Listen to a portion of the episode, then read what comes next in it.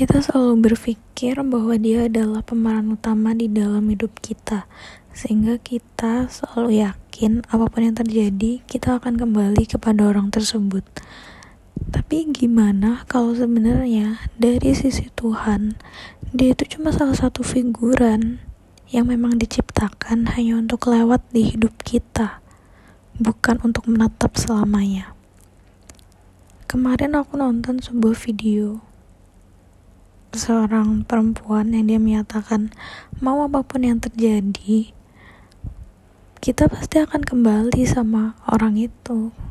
Mau kita berlari sejauh apa pun kita pasti akan kembali ke tempat yang sama dan bertemu dengan orang itu karena orang itu adalah tokoh utamanya. Itu kan menurut kita. Tokoh utama menurut kita dalam cerita, dalam fantasi, dalam fiksi yang kita ciptakan sendiri.